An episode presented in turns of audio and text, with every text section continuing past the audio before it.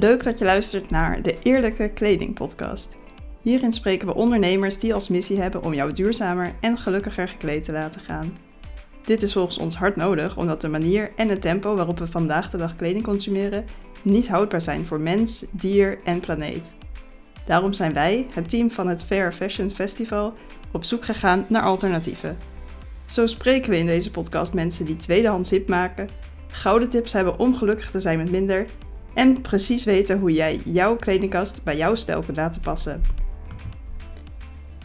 Deze week ga ik in gesprek met Alexandra, oprichter van My Slow World, een online platform en blog over duurzame mode, leven op een rustiger tempo, genieten van de kleine dingen en tevreden zijn met wat je hebt.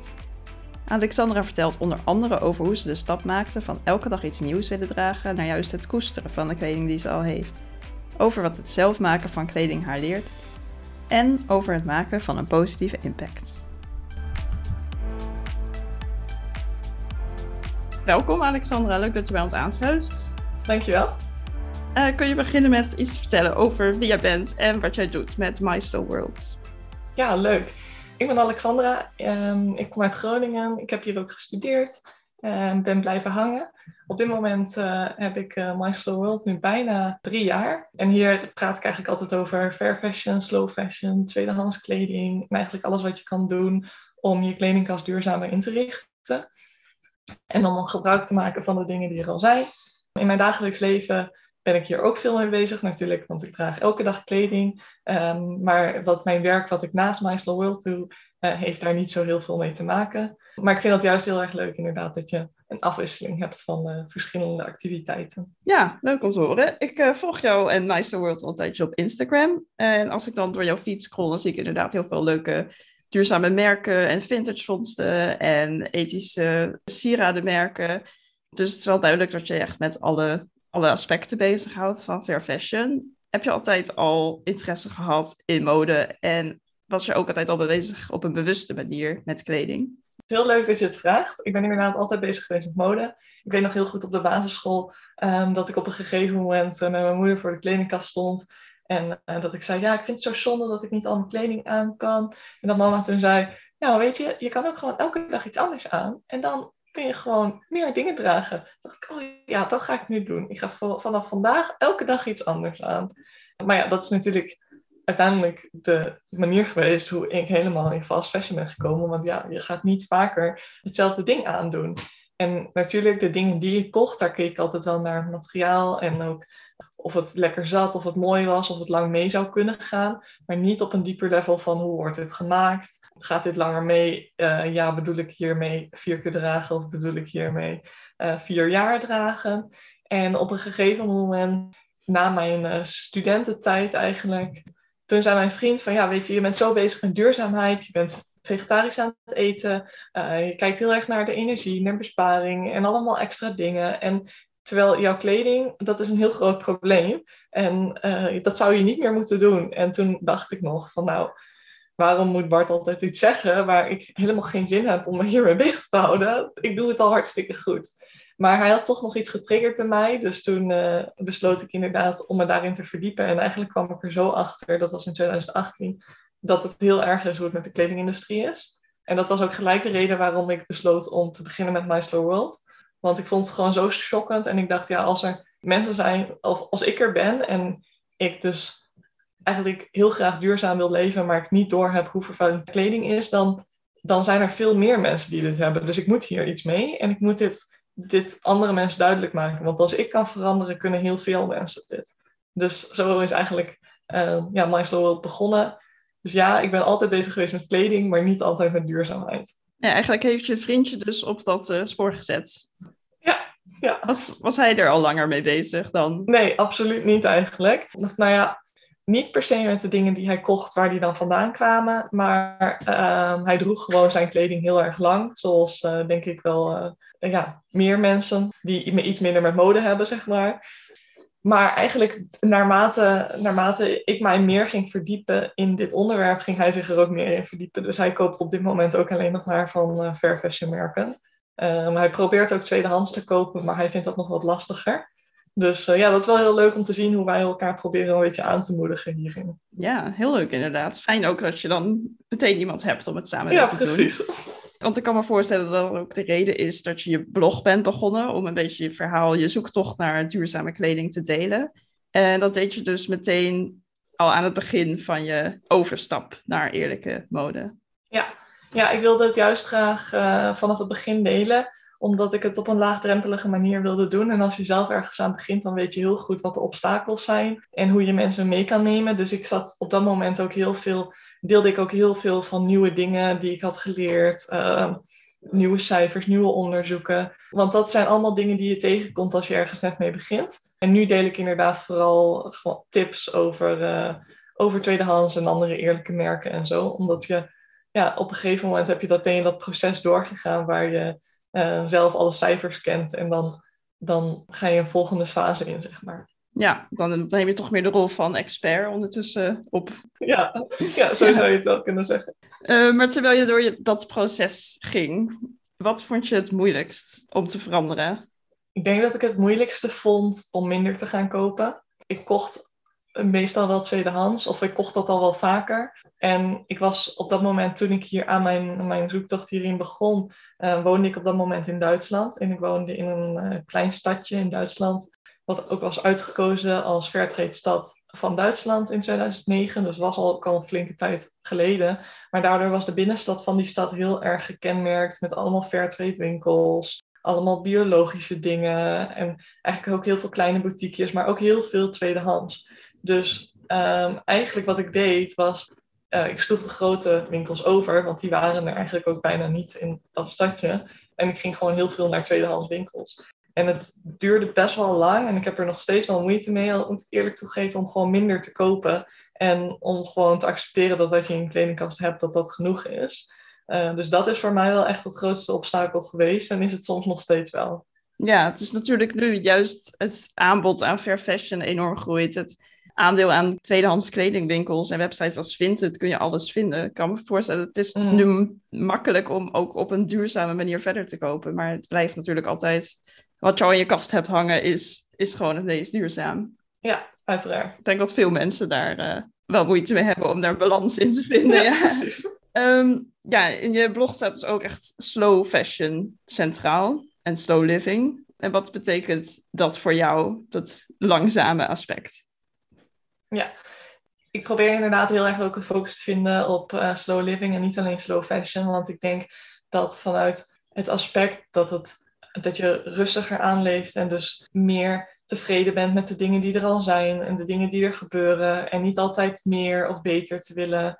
Um, dat je daarmee veel meer rust kan vinden bij jezelf. En je dus ook niet altijd nieuwe spullen nodig hebt. En daar gaat het dan weer over slow fashion. Dus op die manier staat dat langzamer echt voor mij te centraal ik vind het ook heel belangrijk om inderdaad stil te staan bij bepaalde momenten. Want we hebben natuurlijk in onze moderne maatschappij heel erg zodat je altijd gehaast bent. En je bent altijd weer bezig naar het volgende punt. Uh, altijd weer naar iets nieuws. Bijvoorbeeld uh, als je iets hebt bereikt in je leven, dan ben je gelijk alweer aan het kijken naar wat, hoe we nu verder. Maar hetzelfde is ook als je iets hebt gekocht, dan ben je gelijk weer aan het kijken voor iets nieuws ter aanvulling daarvan. Dus die dingen spelen bij mij heel erg samen. En als je daarin kan vertragen, uh, dan denk ik dat je veel tevredener kan zijn in het leven, maar ook met de dingen die je hebt. Ja, er zijn veel raakvlakken. Dus eigenlijk gewoon bewust in het leven staan en bewust met je kledingkast omgaan. Ja, precies. Want je bent naast kleding kopen, als ik goed begrijp, maak je zelf ook je eigen kleding af en toe. Ja, dat klopt. Ben je altijd al zo creatief geweest? Of is dat ook iets dat je zelf hebt geleerd nadat je je meer begon te verdiepen in de kledingindustrie? Ja, dat is eigenlijk het kledingmaken aspect is inderdaad wel gekomen toen ik me hier meer in ging verdiepen. Ik ben altijd wel best wel creatief geweest. Ik denk, uh, uh, dat werd ook heel erg aangemoedigd vanuit huis om uh, gewoon lekker bezig te zijn met dingen ik denk dat iedereen wel een creatief aspect in zijn leven heeft, maar bij iedereen uitzicht dat op een andere manier. Bij mij uitzicht dat inderdaad in priegelwerk. En vroeger ging ik ook Barbie kleding naaien en dat soort dingetjes doen. En eigenlijk hoe meer ik mij dus ging verdiepen in bewust kleding kopen, dacht ik ook, kan ook zelf dingen maken. En dit is niet eens zozeer begonnen uit het aspect omdat ik dacht, hé, hey, ik wil heel graag duurzame kleding maken voor anderen. Maar dit kwam eigenlijk puur praktisch, omdat ik dacht, nou weet je, duurzame kleding kopen is soms best wel duur. ik heb nu nog niet zo'n hele goede baan. Dus eigenlijk kan ik me dit niet veroorloven.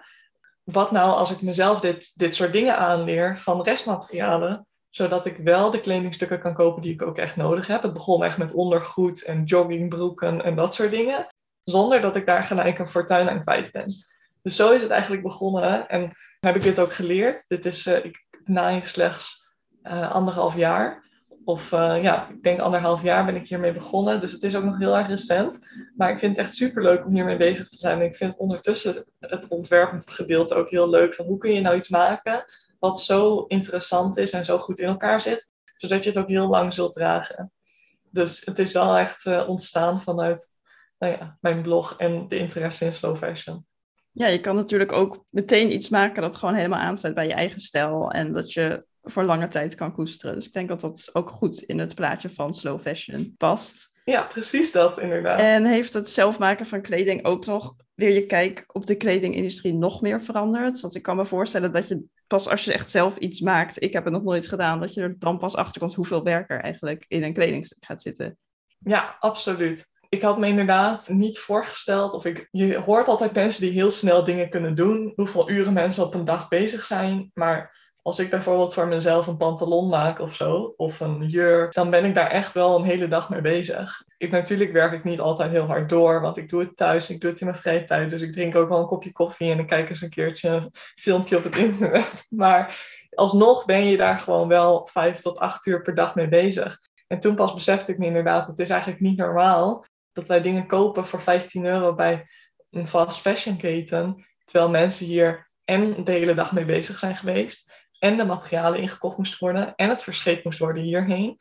Toen pas besefte ik me des te meer dat dat eigenlijk gewoon oprecht niet kan. Dat dat, dat, dat als wij dat zouden willen, willen maken, uh, als wij dat zelf zouden willen doen, dan zou dat, zouden we dat nooit kunnen doen. Dus dat moet in zulke hoeveelheden en met zulke multinational-achtige um, regels, dat het alleen dan kan. Maar ja, dat is helemaal niet de manier hoe, hoe je moet produceren of hoe je dat moet willen. Dus toen, ja, dat besef kwam uh, wel hard binnen inderdaad. Ja, precies. Ja, ik kan me dan ook inderdaad wel voorstellen als je t-shirts van 5 euro ziet hangen, denk je er niet altijd bij na wat hebben degene die het katoen hebben geproduceerd hier aan verdiend, of degene die het hebben verscheept, degene die het in elkaar hebben gezet. Er komt zoveel bij kijken, zoals je zegt. Ja, ja. Ja, mooi dat je het op deze manier wel uh, daardoor eigenlijk nog meer leert waarderen, als ik het uh, zo mag zeggen. Ja, en ik probeer het zelf ook als ik zelf dingen maak, dan probeer ik ook heel erg op My Slow World inzichtelijk te maken dat dat, dat proces zo lang duurt. Dan film ik hoe lang ik bezig ben geweest met het knippen van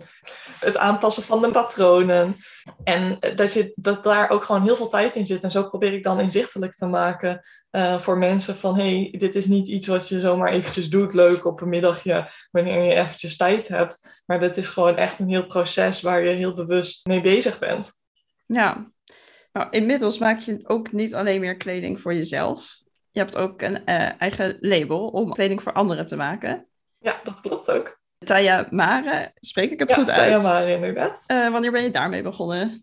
Ja, dit is eigenlijk iets. Ik weet niet, ik, ik wilde al heel lang mijn eigen label hebben. Eigenlijk sinds ik ben begonnen met slow fashion en ik uh, vriendinnen kreeg die hier heel erg mee bezig zijn, hadden wij zoiets van: hé, hey, we moeten iets oprichten, want we willen graag iets wat comfortabel is, wat ook een beetje sexy is. Want we willen laten zien dat je je net zo leuk kan kleden in slow fashion kleding als in fast fashion. En dat het gewoon super goede kwaliteit is, in Europa gemaakt. Dus dat waren allemaal dingen die wij voor ogen hadden. Alleen was het toen nog zo dat ik helemaal niet zelf kleding kon naaien en zo.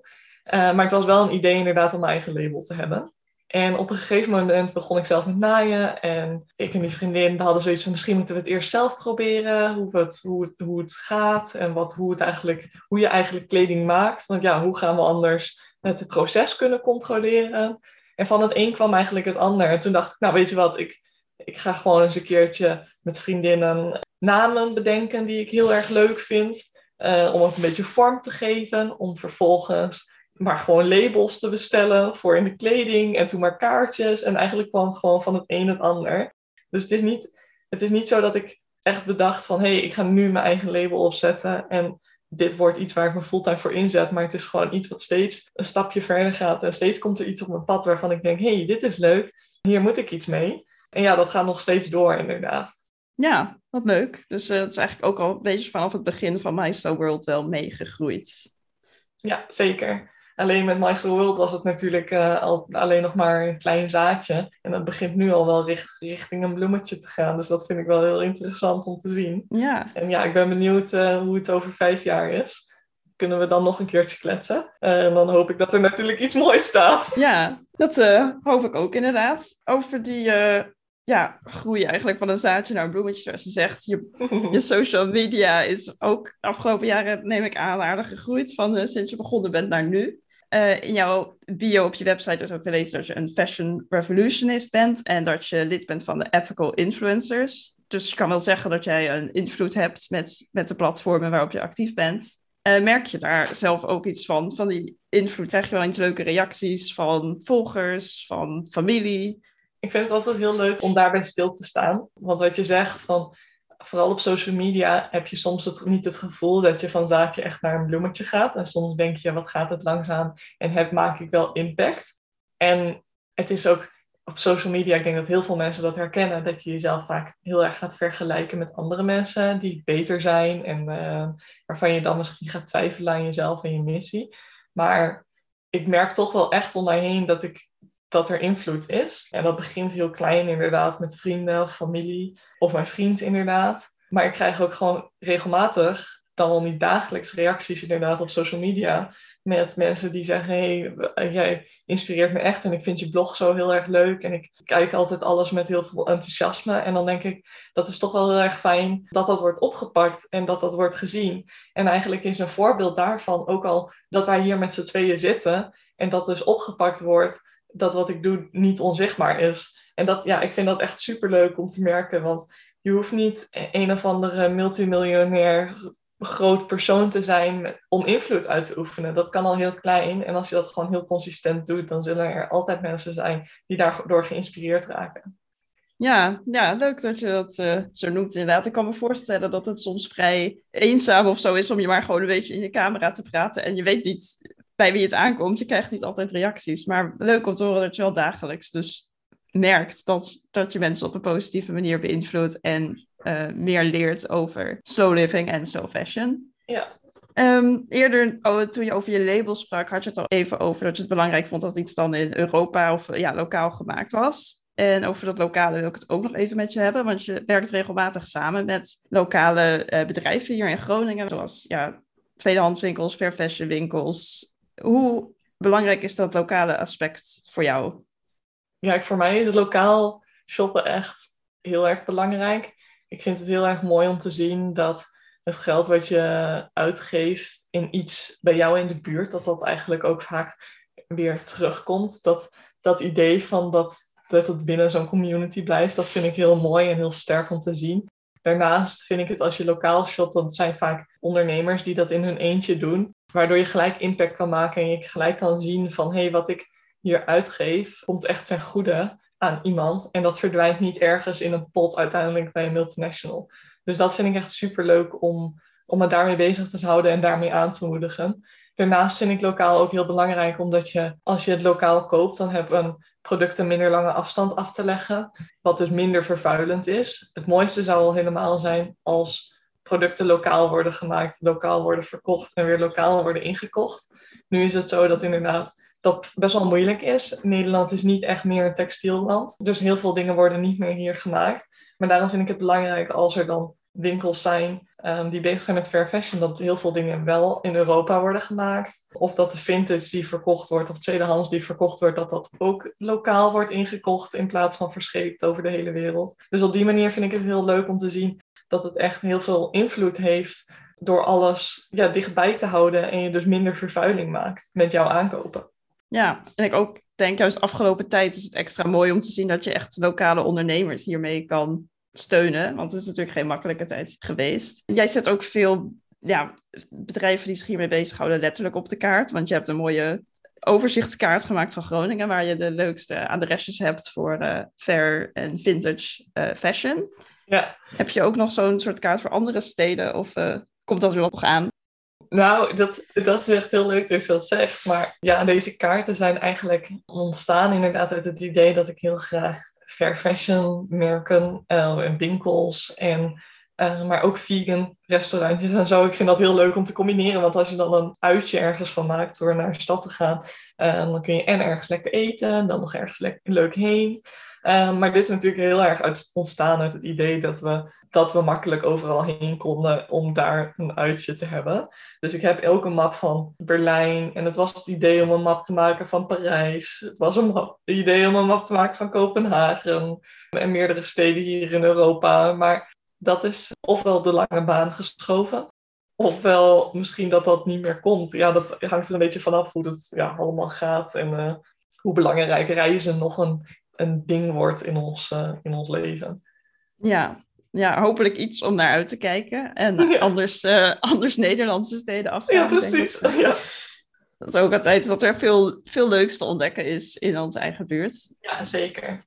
Nog even over Groningen. Heb je het idee dat hier een groot fair fashion netwerk is? Soms heb ik het idee dat dat er niet is. Want dat is heel makkelijk, omdat Groningen is al niet een hele grote stad. En dan op een gegeven moment heb je het gevoel dat je iedereen wel kent. En dat het uh, dus wel meevalt. Maar als je objectief kijkt, vind ik dat Groningen voor, voor inderdaad hoe groot de stad is, echt heel veel initiatieven heeft. Er zijn heel veel tweedehands winkels ten eerste. We hebben een fair fashion winkel die daar volledig op gericht is. We hebben een schoenenwinkel met alleen producten uit Europa. En ja, dat, dat netwerk is best wel groot. En vandaag, voordat we hierover spraken, um, liet je ook alweer wat namen vallen die ik eigenlijk nog helemaal niet kende. En zo zie je dat het eigenlijk dat netwerk toch best wel groot is. En dat we met z'n allen toch best wel impact kunnen maken. Ja. ja, zelf organiseer ik dus ook het Fair Fashion Festival normaal in Groningen. En leuk om te zien dat er best, er zeker wel interesse van uit de stad. En er zijn ja, voor de grootte van de stad toch wel veel initiatieven. Ja, ja, vind ik heel leuk. En ik vind inderdaad het Fair Fashion Festival altijd zo'n leuk initiatief, omdat iedereen samenkomt die hiermee bezig is. Als ik me goed herinner, werd het in Groningen altijd in september of augustus gehouden. Dus dan was het mooi weer. En dan leefde, het, leefde dat thema van, van duurzaamheid en slow fashion echt heel erg. En ik vond het inderdaad super leuk om te zien en wie er allemaal op afkwamen. Welke lezingen er werden gegeven ja, zo kon je alsnog heel veel mensen leren kennen, maar ook heel veel onderwerpen uh, meer over te weten komen. Ja, precies. Het is zoveel te leren. Er blijft gewoon zoveel te leren altijd over dit onderwerp. Maar als ik jou zo hoor de afgelopen minuten, dan, dan zit je ook zeker niet stil. Want je naait zelf kleding, je maakt foto's, je doet styling, je, hebt samenwerkingen. Ja. Wat vind je nou het allerleukste aan uh, je werk met Maestro World? Waar ligt echt je, je passie? Oeh, goede vraag. Oh, daar zat ik even over na. Nou, wat ik echt het allerleukste vind, is denk ik wel styling. Dat je een beetje kan experimenteren met de dingen die je hebt en kan laten zien van, hé, hey, je, je kan heel creatief zijn met kledingstukken die je hebt. Ik vind zelf het opnemen van filmpjes echt superleuk en foto's maken. Maar ik vind het wel moeilijk om soms foto's volledig van mezelf te maken. Uh, dus ik heb daar vaak hulp bij van mijn vriend. Maar die vindt het niet zo leuk om foto's of video's te maken. Dus dat botst wel eens. maar ik denk dat, ja, ik vind het gewoon heel leuk om nieuwe dingen uit te proberen. En, en creatief bezig te zijn. En eigenlijk gewoon steeds nieuwe dingen te ontdekken. Waardoor je nou ja, altijd weer een stapje verder gaat. Dan weer met mijn eigen merk. Dan weer een styling tip. Dus dat creatieve aspect vind ik er zelf heel erg leuk aan. Ja, leuk. En heb je nog bepaalde toekomstdromen voor Meister World of je eigen kledinglabel? Zeker, zeker. Ik heb mijn toekomstdroom met Tayamare. Het leukste zou ik vinden dat dat binnen 10 of 15 jaar um, dat dat echt wel een gevestigd label is, waarin ik produceer hier in Nederland of misschien ergens in Europa van natuurlijke materialen, dat dat dan ook echt uitgebracht kan worden. Het leukste wat ik zou ook zou vinden is om een duurzame kledingwinkel uh, slash vintage winkel in Berlijn te openen. Met een beetje wat meer luxe uitstraling. Zodat uh, mensen die duurzaam en tweedehands willen kopen, dat die ook een beetje een soort luxe winkel terecht kunnen. Dat zou me heel erg leuk lijken. En ik wil natuurlijk doorgaan met My World en zoveel mogelijk mensen inspireren. Dat, dat houdt niet op, daar is niet een uh, soort einddoel in. Ja, lijkt me een hele mooie missie. Ik hoop, uh, ik hoop zeker dat het uh, zo mag groeien. Ik zou zeker langskomen in de winkel. Leuk. Uh, dan wil ik nog een paar vragen stellen over je eigen kledingkast. Want dat is immers waar deze hele podcast om draait. Ja. als we het over slow fashion hebben, wat is het oudste kledingstuk dat jij in je kast hebt hangen? ik heb best wel veel vintage dingen, waarvan ik niet 100% zeker weet uit welke tijd die komen. Maar wat ik heel bewust weet, is dat ik best wel wat kleding heb van mijn moeder heb overgenomen, die zij nog droeg toen zij uh, studeerde. Dus dat heeft voor mij, is denk ik, heeft de meeste waarde en is voor mij dan ook, zijn ook de oudste stukken die ik wil bewaren. Ja, wat mooi. Ook dat dat dan gewoon nu nog steeds goed draagbaar is. Ja, mode komt altijd terug. Ja, precies. Ja, maar ook qua kwaliteit. Ik heb veel dingen in mijn kast hangen waarvan ik denk, oh, over een paar generaties weet ik niet of daar nog iets van over is. Ja, precies. Dat is echt uh, vintage kwaliteit. Ja, ja, en mijn moeder die, uh, die komt uit voormalig Joegoslavië en zij, uh, daar waren ze natuurlijk veel meer een textielland uh, dan hier. toen nog, in de jaren zeventig, dat was in Nederland al best wel snel uitbesteed. Maar daardoor kennen zij ook best wel veel mensen die zelf kleding maakten. En inderdaad van hele mooie materialen. Dus dat zijn ook inderdaad de stukken die, die ik nu heb. Dat zijn wel echt nou ja, de juweeltjes die ze natuurlijk heeft bewaard. En die nog, nog steeds mee kunnen. Ja, wat mooi. En wat zijn drie items uit je kledingkast die echt je absolute favorieten zijn? Het is niet heel origineel. Maar wat ik echt heel chill vind om te dragen, is een heel groot oversized shirt, zoals vandaag. Um, dus gewoon een, een, blouse of een... Uh, ik heb één uh, oversized mannenblouse die ik ooit voor 3 euro in een kringloopwinkel in Duitsland heb gekocht. Dat is echt mijn ultieme favorite. Uh, gewoon heel erg groot en lekker, lekker van linnen en katoen. Dus echt gewoon heerlijk draagbaar. Dat vind ik heel prettig. Dan heb ik, hou ik echt van een lekkere dikke trui. In een gek kleurtje. Dus uh, ik heb een hele leuke, leuke oversized trui en die is in mintgroen. Want ik vind het wel leuk om gewoon een beetje op, op te vallen. Ik heb ook een hele leuke trui in paars. Dus ja, dat, dat, dat vind ik echt wel een favoriet. En dan natuurlijk de spijkerbroek. Dat, uh, ja. ja, dit zijn gewoon drie dingen die gewoon eigenlijk altijd kunnen. Lekker comfortabel zijn. Doordat, doordat ik het zo leuk vind om oversized dingen te dragen, weet ik er ook toch een beetje mijn eigen draai aan te geven. Dus ook al zijn de drie stukken niet heel origineel, toch heb ik wel het gevoel dat het goed bij mij past. Ja, en soms is het juist fijn als je er alle kanten mee op kunt natuurlijk. Ja, zeker. En precies wat je zegt, je kan er alle kanten mee op. Dus je kan al die drie kledingstukken apart ook weer heel anders stylen. En daar heb je dan weer dat stukje creativiteit. Want je kan een spijkerbroek zelfs ook heel chic maken. Zo'n oversized shirt kun je natuurlijk ook allemaal verschillende dingen mee doen. Dus ja, ja, ik denk dat dat ook iets is wat je heel goed bewijst op je Instagram. Dat echt die eerlijke mode, duurzame mode niet saai hoeft te zijn. Maar dat je het op zoveel manieren kunt stylen. En dat het ook, zoals je zegt, in allemaal gekke kleurtjes beschikbaar is. Het is echt niets wat sommige mensen denken. Alleen uh, aardetinten en uh, linnen. Nee, precies, navy. Dus voor iedereen die jou nog niet volgt, is dat echt een uh, dikke aanrader. Dankjewel. Ik heb tot slot nog een paar dilemma's voor je. Ze zijn heel kort. Dus je mag ook zo snel mogelijk antwoorden. Oké. Vintage of fair? Vintage. Kleding ruilen of kleding doorverkopen? Kleding ruilen. Een jaar lang geen nieuwe kleding kopen of een jaar lang alleen maar je zelfgemaakte kleding dragen? Oh, sowieso dat laatste. Alleen maar zelfgemaakte kleding dragen. Dat zou wel heel gaaf zijn. Ja. En dan de laatste. Fashion shoppen in Groningen of in Berlijn? Oh, dit is een moeilijke. Ik ga toch voor Berlijn. Sorry. ik voel me een beetje ja. een verrader. ja, de, de, andere antwoorden je zo makkelijk dat er nog een moeilijke tussen moet zitten natuurlijk. Ja, precies.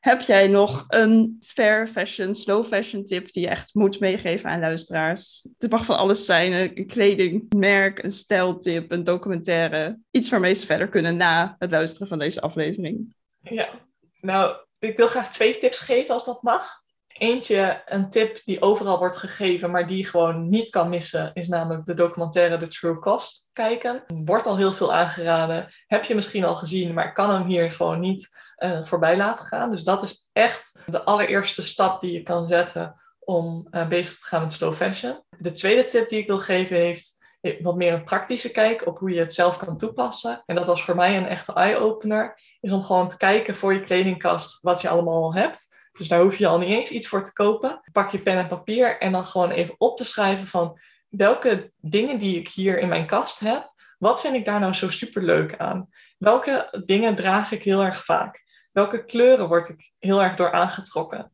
Welke patronen zie ik terugkomen en welke dingen draag ik eigenlijk helemaal niet zo vaak? Maar heb ik misschien wel heel veel dingen van. En waarom blijf ik dat kopen zonder dat ik het echt draag of dat het me echt aantrekt? En door jezelf al deze vragen te stellen kun je veel meer naar de richting komen van oké, maar wat zijn de dingen waar ik plezier uit haal? Wat zijn de dingen waar ik me op moet focussen? Wat zijn de dingen die ik kan kopen zodat ik het ook echt lang blijf dragen? En wat is gewoon echt mijn stijl, zodat je daarmee verder kan? Want het is natuurlijk het meest duurzaam is om te dragen dat wat je hebt. Maar als jij altijd de dingen koopt die je vervolgens niet wil dragen, dan blijf je inderdaad altijd maar door willen kopen. Dus ik denk jezelf deze vragen aan uh, uh, te stellen en te kijken naar de dingen die jij in je kast hebt hangen, dat dat de grootste eye-opener is die je jezelf kan geven. Ja, hele goeie. Lijkt me inderdaad, als je je eigen stijl goed onder de knie hebt, dan laat je trends ook makkelijker liggen. Zeker, ja. En dan heb je echt inderdaad die uh, slow kledingkast ja. eigenlijk, die, die, uh, die jij dus ook promoot. Dankjewel. Heb je verder nog iets wat je graag wilt zeggen? Ik, ben, uh, ik wil jullie vooral heel erg bedanken dat ik hier mocht komen en dat ik hierover mag praten. Ik vond het super leuk om altijd met dit onderwerp bezig te zijn. Ik hoop dat, dat, dat iedereen die luistert ook heel erg geïnspireerd is geraakt om hiermee verder te gaan. En mocht u iemand nog vragen hebben of opmerkingen, zou ik het super leuk vinden om jullie te ontmoeten. Mag via de mail, mag via mijn blog, mag via My Slow World uh, op Instagram. En uh, dat is een beetje wat ik mee wil geven. Dus uh, ja, ik hoop dat we online verder kunnen praten hierover. Dankjewel. Ja, we zullen al jouw kanalen en contactgegevens ook in de show notes zetten, zodat iedereen jou weet te bereiken. Heel erg bedankt. Dankjewel. Bedankt voor het luisteren. Zoals gezegd kun je de links naar Alexandra's platform My Slow World vinden in de beschrijving van deze aflevering. En ons kun je volgen op Instagram via @fairfashionfestival. Net als Amber, onze gast van vorige week, benadrukt Alexandra hoe belangrijk het is om je eigen stijl goed te kennen als je je duurzamer wilt kleden en meer tevreden wilt zijn met je kledingkast. In de volgende afleveringen gaan we nog dieper in op dit onderwerp, dus als jij hier meer over te weten wilt komen, heel graag tot dan.